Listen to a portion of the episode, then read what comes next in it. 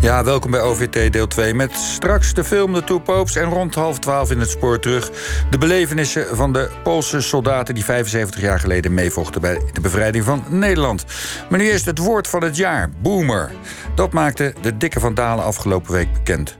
Op de tweede plaats kwam klimaatspijbelaar... en als nummer drie werd klimaatdrammer gekozen. Een opvallend rijtje. Wat zegt deze top 3 over onze tijd? Aan de lijn hebben we hoofdredacteur van de dikke Van Dalen... Ton van der Boon. Goedemorgen. Of Ton den Boon is het, hè? Ja, klopt. Goedemorgen. Ja, goedemorgen. Uh, ja, even dat woord uh, uh, boomer. Ik hoorde eerder op deze zender onze collega Frits Spits van de Taalstaat zeggen... waarom hebben ze nou een Engels woord gekozen? Ja, is, vorig um... jaar was het nog netjes blokkeervries, toch? Ja, klopt. Dat was een samenstelling. Kijk, de meeste woorden in het Nederlands zijn samenstellingen. Maar ongeveer 10% van de nieuwe woorden in het Nederlands zijn Engels. Dus uh, er waren 19 woorden genomineerd en toevallig was er eentje Engels. En ja, dat woord is toevallig het woord van het jaar geworden. Dus uh, op zich, die nominatie uh, viel wel mee. Want we hadden, als we gewoon naar de taalwerkelijkheid hadden gekeken... zelfs twee Engelse woorden in die lijst moeten hebben. Maar we hadden er dus in dit geval maar eentje. En het is dit woord geworden. Kennelijk spreekt het aan. Ja, ja. Is er wel eens eerder een Engels woord gekozen? Of? Ja, het woord selfie is ooit uh, woord van het jaar geweest. Oké, nou even naar dat woord uh, uh, boomer.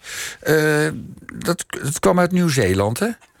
Nou ja, boomer is, is, bestaat al langer als verkorting ja. van babyboomer. Maar uh, in het, uh, het is in Nederland bekend geworden dankzij een, uh, een filmpje over een Nieuw-Zeelandse politica, Chloe Swarwick.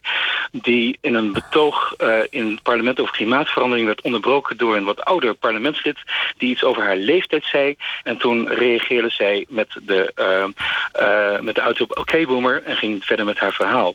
En dat oké okay, boomer, dat is een uitroep waarmee je dus duidelijk maakt dat je niet in discussie wilt treden met iemand die uh, iets zegt waarvan je denkt van nou, het is abs absoluut niet uh, relevant in de ja. huidige discussie of het is volstrekt uh, achterhaald. En op basis daarvan, op basis dus van deze uitroep, is het woord boomer dus weer um, ja, gangbaar geworden. voor, voor zover je dat in een paar maanden kan zeggen. Of voor iemand die meestal van gevorderde leeftijd is, maar dan ouderwetse denkbeelden of conservatieve opvattingen heeft. Ja, precies. Het kwam op mij een beetje over als oude lul hou je bek toen ik dat filmpje zag. Ja, absoluut. Dat, ja. Uh, dat is denk ik de informele strekking van, het, uh, van deze uitroep. Ja, en dat is toch iets anders dan waar dat babyboomer vandaan kwam, hè? Ja, babyboomer is gewoon uh, een, een, vertegenwoordiger van de babyboom. Hè, dus de, de, de, de geboortegolf. De geboortegolf die, na de Tweede Wereldoorlog. Ja. Precies, tussen 1946 en 1955. Maar het woord boomer is ook wat breder. Je hoeft niet per se een babyboomer te zijn... om toch een boomer genoemd te kunnen worden. Het is eigenlijk een uh, uitroep nu van millennials en postmillennials... die mensen die uh, ja, vooral ouderwetse ideeën hebben... dus uh, op deze manier uh, wegzetten. En in zekere zin weerspiegelt het denk ik wel een klein beetje een trend in, uh, in het jaar. Ik moet zeggen dat ik ook even aan moest wennen dat dit woord gewonnen had. Uh, maar uh, wij zien natuurlijk ook bijvoorbeeld in de klimaatdiscussie... dat er ook wel een beetje verwijten gemaakt worden door de jeugd aan ouderen die de jeugd uh, hun toekomst zouden ontnemen. Thunberg heeft dat bijvoorbeeld gedaan. Mm -hmm. Die heeft verweten dat, uh, uh, dus dat mensen haar, haar jeugd en haar toekomst zo hebben ontnomen. Ja, nu, nu, nu, is het, het aardige hieraan is misschien ook wel dat Stefan Sanders... die had in de Volkskrant afgelopen week ergens een column over dit onderwerp... en die schreef, het interessante is dat die babyboomers en de millennials... eigenlijk min of meer een beetje hetzelfde uh, doen. Want de boomers zagen zichzelf, de babyboomers, als de generatie, de ijsbrekers, de generatie met wie de geschiedenis begon, al dus Stefan Sanders. En dat is een beetje met de millennials precies hetzelfde.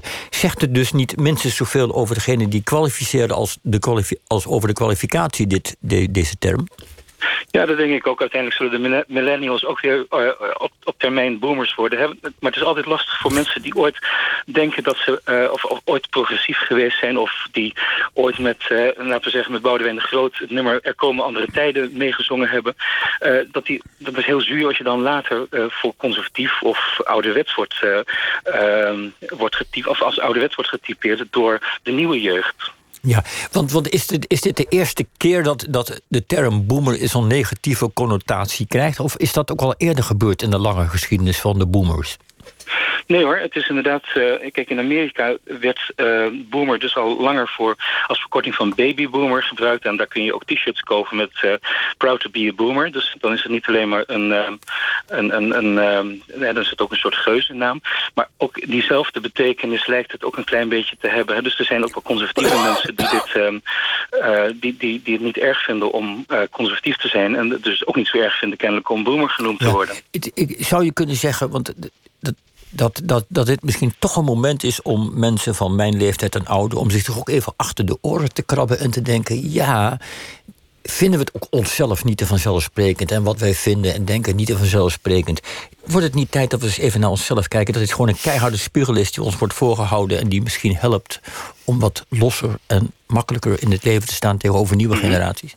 Ja, nou kijk, als het woord van uh, het jaar inderdaad tot deze zelfreflectie en deze bespiegeling, zelfbespiegeling leidt, dan denk ik dat we ontzettend blij moeten zijn met uh, de verkiezing van het woord boom als woord van het jaar. Ja, want uh, wat dacht jij in eerste instantie toen dit eruit kwam? Was je nou, verbaasd?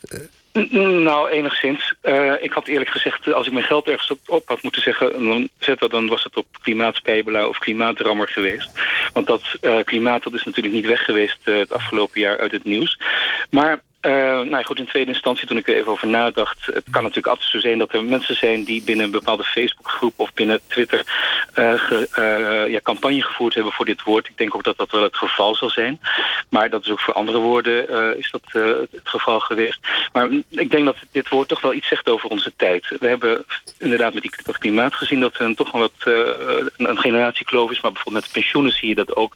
Met het wonen. Hè, de oudere mensen die wat verweten dat ze allemaal in hun huizen blijven wonen... terwijl er voor de jongeren dus dan geen, uh, geen woonruimte, betaalbare woonruimte beschikbaar is. Dus je ziet deze generatiekloof toch wel een klein beetje in de maatschappij, denk ja. ik. Ja, Ton, welke generatie behoort, uh, behoor jij zelf eigenlijk toe? Uh, ik ben uh, een, een trotse vertegenwoordiger van de Lost Generation.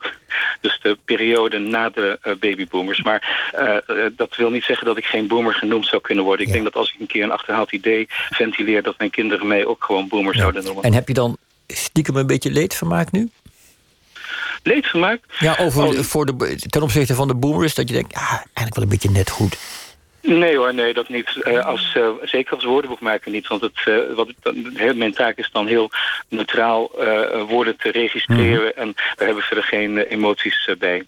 Ja, als, als afsluiting, ik hoorde je net zeggen dat er misschien campagne was gevoerd voor een bepaald woord. alsof het stemmen om de top 2000 gaat en dat soort dingen. werkt het echt zo? Nou, het is inderdaad zo dat mensen die bijvoorbeeld zelf een, een, een die, die iets met een bepaald woord hebben, die voeren daar wel campagne voor. Um, ik, ik, zag dat er ook geen stijl voor een ander woord campagne uh, was gevoerd, foeigesprek. Uh, ik heb op Twitter ook gezien dat mensen hebben campagne gevoerd voor het woord Noorrentoussaint. Voor klimaatspijbelaar is campagne gevoerd. En ik denk dus dat voor Boomer uh, is er volgens mij een Facebookgroep van studenten geweest waar, um, waar ook een beetje campagne gevoerd is voor, voor Boomer. Maar of ja, welke schaal dat heeft gehad, ik denk dat dat niet zo heel groot is, want het was een besloten Facebookgroep. Goed. Uh, nou, Tom van der Boom, we, we, zullen kijken of we volgend jaar misschien ook ergens campagne voor gaan voeren. In ieder geval tot nu toe bedankt. Tot uw dienst. Ja.